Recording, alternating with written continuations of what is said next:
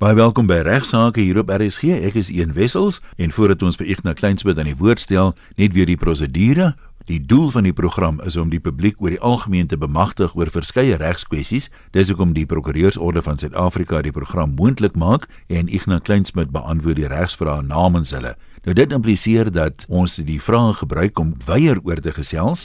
Jy is welkom om jou spesifieke vrae vir ons te stuur, maar ons kry dikwels lyste aanhangsels en kontrakte en goed waar mense nou gedetailleerde regsadvies vir hulle persoonlike omstandighede wil hê. Ongelukkig kan Ignas nie betrokke raak en namens jou as prokureur optree nie. So ons eh, beantwoord jou vraag, maar eh, die doel daarvan is eintlik om oor die algemeen daaroor te praat sodat mense wat soortgelyke probleme het, ook raad kan kry of dat mense nie in dieselfde slaggat trap as waaraan jy dalk beland het nie.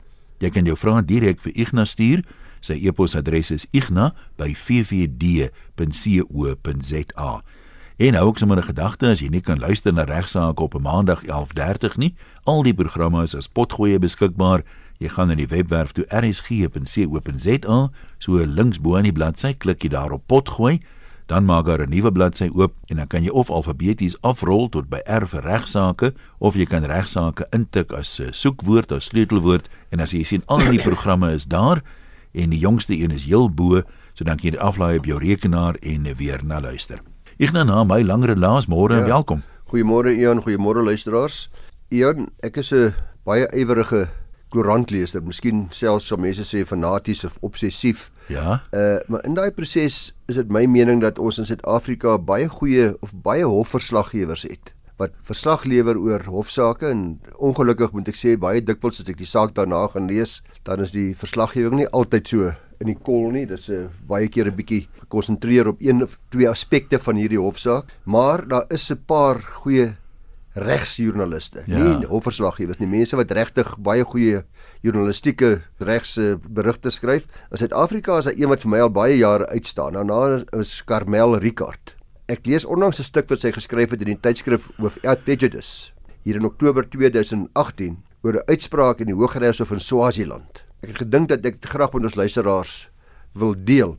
Nou die regter in daai saak was Titus Malangeni.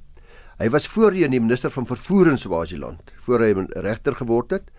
En in die saak eh, van Smit teen Mukwabele sê hy onder andere die volgende en ek haal aan: The facts of this matter are so sad that that would have made the heart of Adolf Hitler bleed. Ja.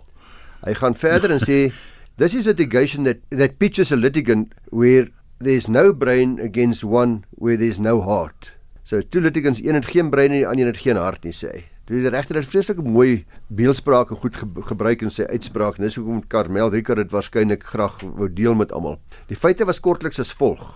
Uh Smit se man is oorlede in 2016 en later daardie selfde jaar het sy aansienlike bedrag in doodsvoordele gekry. In dieselfde tyd ontdek sy ook nuwe liefde en hierdie nuwe liefde se naam. Toeval is daarom ook maar 'n blikskop. Ja ja ja, net presies toe sy nou hierdie eh, hierdie mooi geldjies kry. Hierdie nuwe liefde se naam is Sipho Mukwabele. Nou hierdie liefde blom dramaties. Baie vinnig, baie mooi. En in die einde van daardie selfde jaar trou sy met Sipho, uh, sy trou krag in Swaziland, se gewoontereg het baie dieselfde as ons in is. Die regter sê dat net daarna het die geld ook vrylik begin vloei. Hy sê like a river. Die regter sê ook dat tweede nadat sy die geld ontvang het, koop sy 'n duur Ford Ranger. En op dieselfde dag, later dieselfde dag, 'n klompie beeste en nog later dieselfde dag, net voor die boterhawe toe maak koop sy 'n trekker ook vir haarself. Besige dag. Ja, en 'n sleepwa en 'n ploeg. nog 'n paar dae later spandeer sy 'n klein fortuin op nuwe meubels daar in Manzini. So lekker jolig gaan dit dat sy op 17 Februarie 2017 na slegs 'n paar maande feitelik niks oor het van hierdie reuse bedrag geld nie. Snaaks genoeg die hof sê nie wat die bedrag is nie of die artikel ook nie. Alles spandeer natuurlik saam met haar nuwe man wat sy nou 2 maande mee getroud is.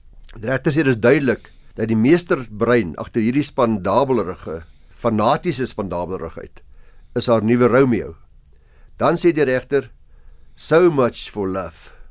Dit blyk daarna dat die nuwe Romeo reeds in huwelik betrokke was by 'n ander vrou. Ja, so nooit 'n geldige huwelik gewees nie. Was nie meer 'n fondsinsameling. Nee, die arme weduwee se drome verander dan ook spoedig in nagmerries. Die regter merk op like all things that have no solid foundation, the inevitable happened. Love, if there ever was love between the two, deserted them as quickly as it has found them. Personal differences escalated into perennial friction and the parties became irreconcilable. The lubricant of the relationship, obviously money, was finished. Later gaan hy voort en sê this is a situation that conjured the image of a dairy cow. When it has released all its milk, the cow is then also released. ja. Die die, die weer weer vra dan die hof en dis waar die saak gaan hierdie hofsaak dat sy alles wil terug hê van hierdie swendelaar hierdie twee hierdie man wat gesê het hy met haar getroud is terwyl hy reeds uh, bigamis was dat sy wil die bakkie terug hê sy wil die meubels terug hê die trekker sleepwa ploeg het alles gevat op terloops aan die einde van die van die verhouding. Sy vra spoliasie bevel teen haar man uh, wat al die goed vir homself geneem het en in hierdie uh, bigamis se verweer is dit alles geskenke was. Want die regter sê dit daarvan dat dit 'n blote fantasie aan sy kant is dat hy dit net nie glo nie. Dat hy aanvaar is gekoop op sy versoek ensovoorts maar nie dat dit nie geskenke was nie. Dit blyk dat hy reeds die trekker en die beeste verkoop het op hierdie stadium toe die hofsaak aan die gang kom. En die hof maak ook 'n dringende interim bevel dat die voertuig teruggelewer moet word vir dog in sy besit is aan die balje hangende die finalisering van die saak wat later meer volledig afgehandel sou word. Nou Carmel Ricard sê Dit is duidelik dat hierdie regter se uitspraak beskou kan word as 'n verhaal van moraliteit en sy haal dan aan uit sy opsomming aan die einde van die saak in a manner reminiscent of a soapy a widow found new love and spent with him all the money she had received as a death benefit from her late husband. Die saak word dan uitgestel ook vir verdere getuienis uh, om 'n finale besluit te maak oor sekere bates wat daar waaroor daar twyfel was. Ek neem aan die late husband dra in sy graf om. Ja, nee. Nou luisteraars, uh, ek die gevaar of dat Maandag gaan sê ek preek alweer uh, Ian. Het ek al soveel male op hierdie program oor dekades jou gewaarsku teen die fortuinsoekers wat die onskuldige dikwels naïewe niks vermoedende weduwee stormloop na afsterwe van die welvarende eggenoot. Uh die lede van die prokureursorde van Suid-Afrika namens wie ek hierdie program hanteer, sal almal getuig dat daar talle sulke voorbeelde is van weduwees wat nuwe liefde vind net om dan pennieloos agter te gelaat te word sodra die geld op is. In die meeste gevalle is daar geen remedie as die geld saamgebruik en geniet is nie. Geen remedie nie, dit is saamgebruik, saam rondgevoeter en saam gekoop en saam gemors. Gebeur dit dikwels dat daar baie min blywende bates gekoop word wat weer verhaal kan word. Daar is gewoonlik niks oor, dis alles gemors. Wat nog meer verstommend is, is dat weer wees dikwels die tweede huwelik aangaan binne gemeenskap van goedere. Hulle gaan sê nie 'n prokureur nie. Gaan aan hulle sluit die huwelik binne gemeenskap van goedere sonder 'n kontrak en sonder 'n behoorlike regsadvies te kry. So my pyetlooi vandag is maar weer of my preekie is asseblief aan alle weduwees en ag gaan al vir weewenaars natuurlik ook en selfs geskeides. Dink asseblief baie mooi voor jou voete te vinnig onder jou uitgeslaan word met pragtige liefdesbetuigings dikwels gepaard gaan met 'n klomp leuns oor die ander party se eie bates word dit groot pratery ja, ensovoorts. Al my geld is mos vas. Ja ja, ja daai soort van ding. En vra maar kundiges om behoorlik by te staan uh, ten einde jou bates te beskerm indien jy sou besluit om wel in die huwelik te tree. Tweede huwelike is natuurlik dikwels wonderlik. Ek het baie gesien hoe baie hulle is baie meer suksesvol baie keer as eerste huwelike baie geseën baie keer en jou nuwe eggenoot indien hy of sy opreg is, kan ek nou vir jou sê sal begrip daarvoor hê dat jy jou bates nou 'n vorige huwelik of bates waarvoor jy self al gewerk het, wil beskerm vir jou ou dag of vir jou kinders. As iemand daarteen beswaar maak, dan moet al die rooi ligte flikker. Die sirenes moet aangaan want daar's 'n slang in die gras, soos ek altyd sê die die maagd lyk swanger. Jy moet hardloop dan. Ja. Uh, Moenie met daai soort man mense te mekaar raak nie. Jou jou nuwe man en jou nuwe vrou sal verstaan as jy sê aan daai bates raak ons nie ons begin saam 'n nuwe lewe, maar daai is my kinders se of myne of my ou dag of wat ek nogal.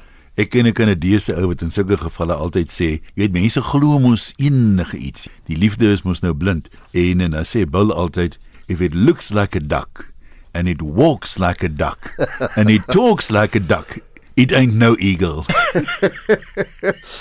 ja, dit is baie waar.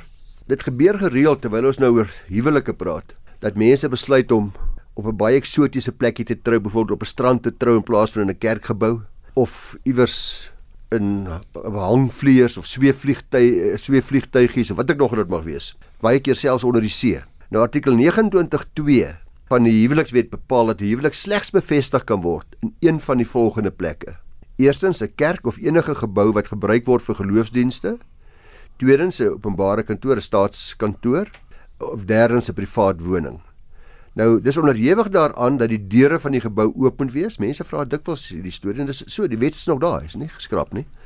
Of die deure van die gebou oop moet wees. Die huwelik moet bevestig word in die teenwoordigheid van die twee partye wat trou as ook twee bevoegde getuies. En die rede vir hierdie streng vereistes is om geheime huwelike te voorkom. 'n Huwelik mag nie geheim wees nie. Jy kan nie geheim trou nie, jy moet in openbaar trou. Mense moet jou kan sien. Mense moet daar wees, daar moet getuies wees. Maar wat as jy nou op die strand trou en die hele village staan en kyk ja, hoe trou jy? So jy kan dus op die strand trou, Ian, op die basis dat die seremonie op die strand gehou word, maar die ondertekening van die trouregister, die bevestiging van die van die kontrak sal binne 'n nabye gebou soos hierbo genoem moet geskei. Jy kan dit nie daar die hoogwatermerk doen nie. Korrek, ja. Jy sal dit moet gedoen in 'n kantoortjie iewers of 'n staatsgebou of by die in die kerk self of in die in 'n privaat woning. Mense sit baie keer so 'n gazebo-rige dingetjie op. Is dit nou veronderstel om afwatering te wees van die dak binne gebou? Luister weer na die drie plekke. 'n Kerk of enige gebou wat gebruik word vir geloofsdoeleindes, 'n publieke kantoor, maar anderwoorde 'n staatskantoor of 'n private woning. So daai gazebo-tjie gaan nie geld as die regte plek om 'n huwelik wettig te maak terme van artikel 29.2 nie. So indien jy op die strand wil trou of op so 'n snaakse plek op maniere wil trou onder die water of in die lug of waar ook nogal, moet jy die volgende gedagte hou. Uh die stadsraad moet 'n permit uitreik. Ag, op die strand. As jy toestemming wil kry om op 'n openbare strand te trou, jy moet permit hê. Ons moet maar liewer saam woon bokkie. Ja. Hierdie permit uh, het ek vasgestel kos iewers in die omgewing van R700 daar rond afhangende van die grootte van die trou en watter strand dit is. En die permit gee jou niks eksklusiewe gebruik van die strand. Die strand is dit steeds oop. Openbare strande moet altyd oop wees vir die publiek. Hulle kan nie vir jou sê dis net vir jou hierdie nie. Soos daar by Clifton mos gebeur het toe die Ja. Die mense ja. weggejaag is daar.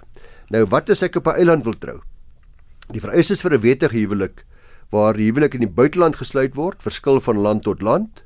Die huweliksbedeling sal gereguleer word deur die land waar die man gedomisileerd is. Waar die man, die eggenoot, die man gedomisileerd is, nie byvoorbeeld op 'n eiland wil trou, sal jou beplanning reeds 'n geruime tyd vir die troue gedoen moet word. Partylande sal vereis dat die paartjie 'n sekere aantal dae voor die troue reeds in die land moet wees. Op die webtuiste Wedding Inspirations kan jy gerus gaan kyk. Daar word volledig vir verskillende Mauritius en in, in Mahé en eilande word almal hier naby Suid-Afrika word almal daar gehanteer. So twee Suid-Afrikaners wat in Mauritius trou is volgens Suid-Afrikaanse reg getrou. Korrek, ja. Uh daar word die vereistes van lande soos Mauritius, Seychelles, Thailand, Zanzibar volledig uiteengesit. Wedding Inspirations. Huwelik in die buiteland gesluit sal slegs geldig wees indien dit aan al die formaliteitsvereistes van daardie land voldoen het toe die huwelik bevestig was.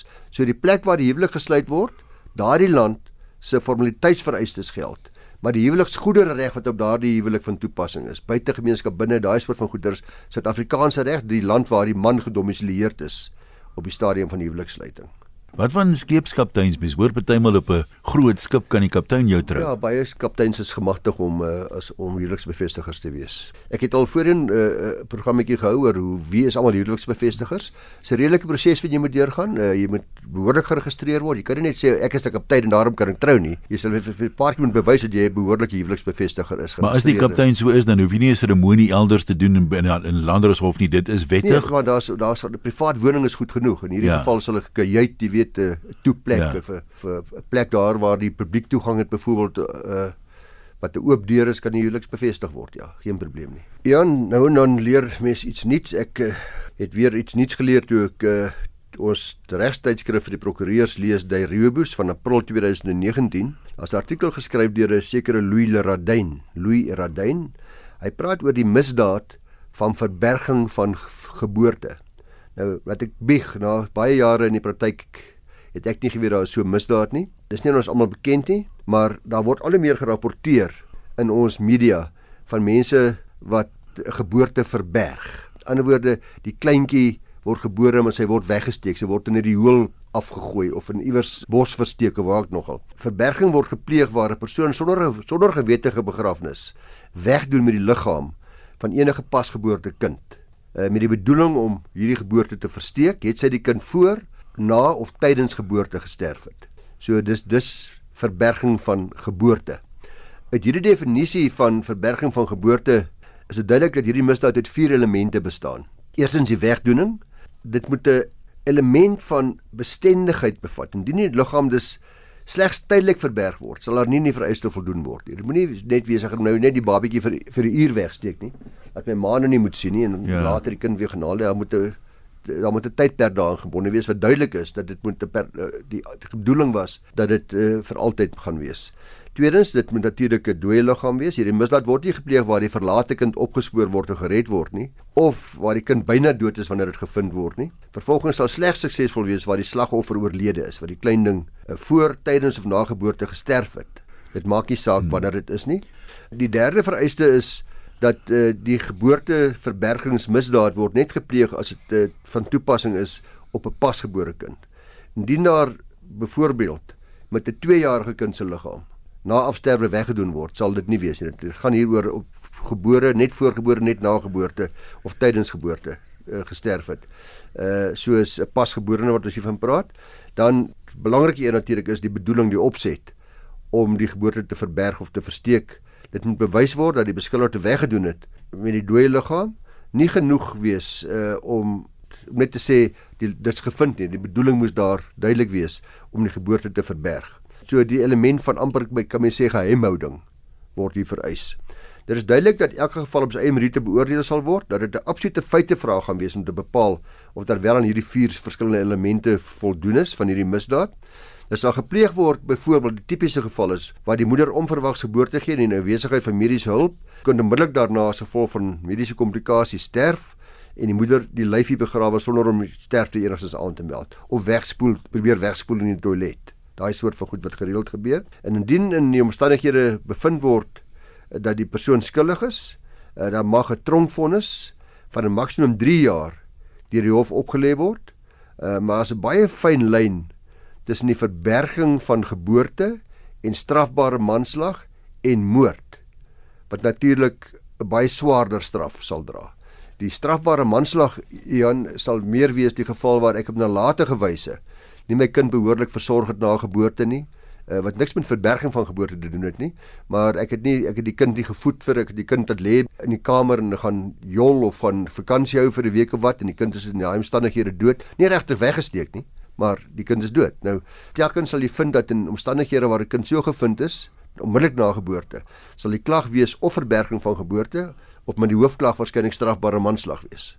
Nalatige wyse waar ek my kind opsetlik laat uh, op kan bewys word dat die kind opsetlik vermoor is uh, dan natuurlik sal die hoofklag altyd moord wees met baie baie erger gevolge as verberging van geboorte wat 'n tronkstraf van maksimum 3 jaar deur die hof opgelê kan word Soms hoor 'n mens van 'n moeder wat 'n geboorte skenk, maar sy besef sy sal glad nie vir die kind kan sorg nie. Nou sit sy die kind sê maar in 'n swart vullesak en sit hom iewers neer, maar in die hoop dat iemand hom sal ontdek en hom sal versorg beter as sy. Dis iets anders as hierdie, né? Ja, jy sien, 'n uh, beskuldigde sal tipies eerder aan moorskille bevind word waar die moeder sonder mediese hulp geboorte skenk en te dink dat daar onkunde onder die indruk is dat die kind nie leef nie en dan sy liggaam op die veld agterlaat waar die baba dan later ontdek word byvoorbeeld. Aan die ander woorde, ek moes beter geweet het kan nalatigheid ook wees, maar ek sterf as gevolg van die moeder se verwaarlosing.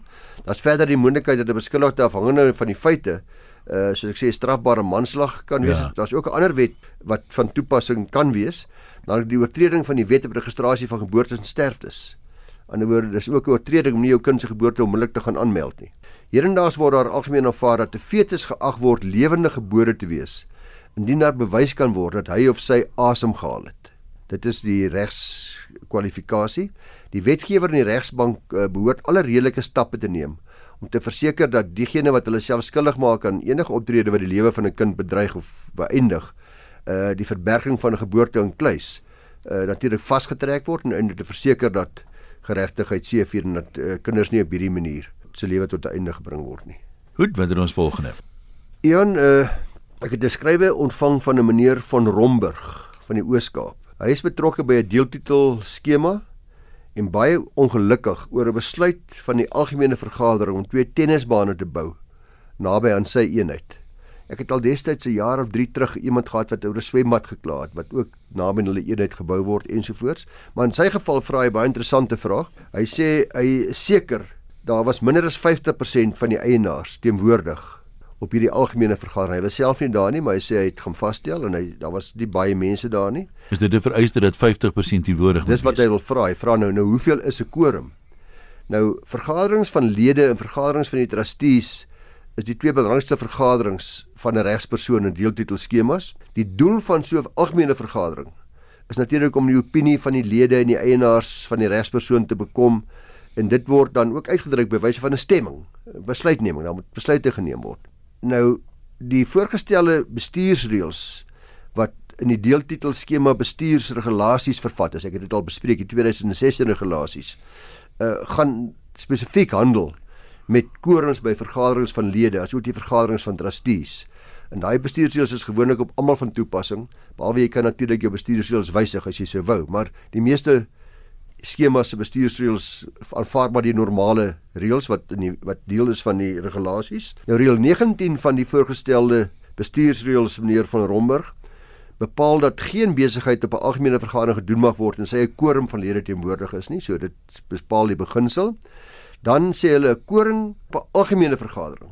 Dan is daar twee skemas. By skema van minder as 4 primêre eenhede, dis 'n baie klein skemaatjie. Uh byvoorbeeld waar daar net 3 skeer moet dit minstens 2/3 wees van die totale stemme. So as daar as daar 4 stemme is, dan moet minstens 2/3 wees, besluit 3 uit die 4. As daar 3 eenhede is, dan moet dit 2 uit die 3 wees. Minstens 2/3 van die totale stemme. Maar om u vraag te beantwoord by die groter skemas wat so, waarskynlik soos u skema is, die lede wat geregtig is om te stem, wat 1/3 van die totale stemme van daardie lede in waarde hou. So by skema van meer as 4 eenhede, dan kyk jy nou hoeveel mense is geregtig om te stem. Nou kom ons sê daar's 100 mense geregtig om te stem. Dan sê hulle minstens 1/3 van die totale stemme in waarde. Nou, wat beteken in waarde? By die berekening van die waarde van die stemme wat benodig word vir 'n quorum word gekyk na die eenhede in die skema se waarde wat aan daardie eenheid gekoppel word. Uh almal sou nou weet waarvan ek daar praat.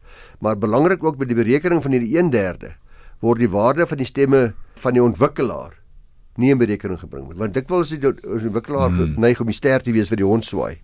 Ons sê besluit dit af te dwing op almal, maar die ontwikkelaar anders se eenhede uitgesluit as daar nog is 'n derde van die waarde. So dit maak nie saak hoeveel mense teenwoordig is nie. Daar kan minder as 50% teenwoordig wees op voorwaarde dat hulle minstens 'n derde van die waarde van die stemme verteenwoordig. Indien 'n quorum nie aanwesig is net te loops, uh binne 30 minute na die tyd wat vir so 'n vergadering daar gestel is, nie verdaag die vergadering tot dieselfde weksdag die volgende week op dieselfde datum en tyd, of selfs 'n week later, skuis, dieselfde tyd. En indien by daardie vergadering 'n quorum teenwoordig is, dan natuurlik gaan dit voort. As dit weer nie is nie, dan uh vorm die eienaars wat persoonlik op bewyse van 'n volmag teenwoordig is, 'n quorum. So by die tweede vergadering, as daar weer nie 'n quorum is nie, dan is dit dat, dat die wat daar is, kan dan stem en afhandel. Reël 13 van die voorgestelde bestuursreëls bepaal ook interessant genoeg dat by trustee vergaderings. Dis nie wat die vraag van die luisteraar vra nie, maar ek brei so 'n bietjie uit. Vergadering van trustees moet dan minstens 50% van die trustees gerekening getal wees. Nooit minder as 2 nie, maar minstens 50%. So meer van Romberg nee, daar hoef nie 50% lede teenwoordig te wees 'n algemene vergadering nie, dan moet 30% in waarde teenwoordig wees anders is daar nie 'n quorum nie. Jy moet gaan vasstel wat gebeur het by daai vergadering. Daar moet behoorlike notule wees, daar moet behoorlike teenwoordigheidslyste wees. So u kan dit gaan aanvra by die trustees, by die voorsitter, hy sal dit vir u moet gee en dan kan u gaan kyk wat hulle waarde is uh op die waarderingslys van die uh, van u skema.